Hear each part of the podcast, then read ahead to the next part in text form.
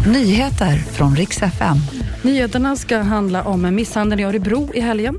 Och så ska vi prata om en riktig klassiker som snart får en ny design. Det är IKEA-kassan som ska få nya Marimekko-motiv.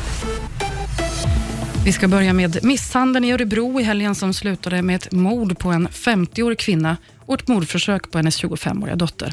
Dottern har kunnat peka ut en gärningsman, en 25-årig man som hon kände igen från skoltiden. Han är gripen, han har också erkänt att han var inblandad, men vad som ligger bakom händelsen är fortfarande helt oklart. Det finns heller ingen relation mellan gärningsman och offer.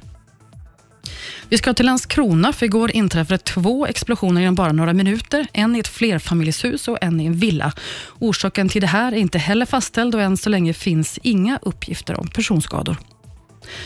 Och så ska vi avsluta med att prata om en ny design på en riktig vardagsklassiker. För vi svenskar vi använder det här till det mesta.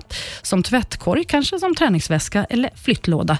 Och då är det IKEA-kassan som jag pratar om. Den ska få en ny design igen. Bland annat har den tidigare fått en regnbågspåse.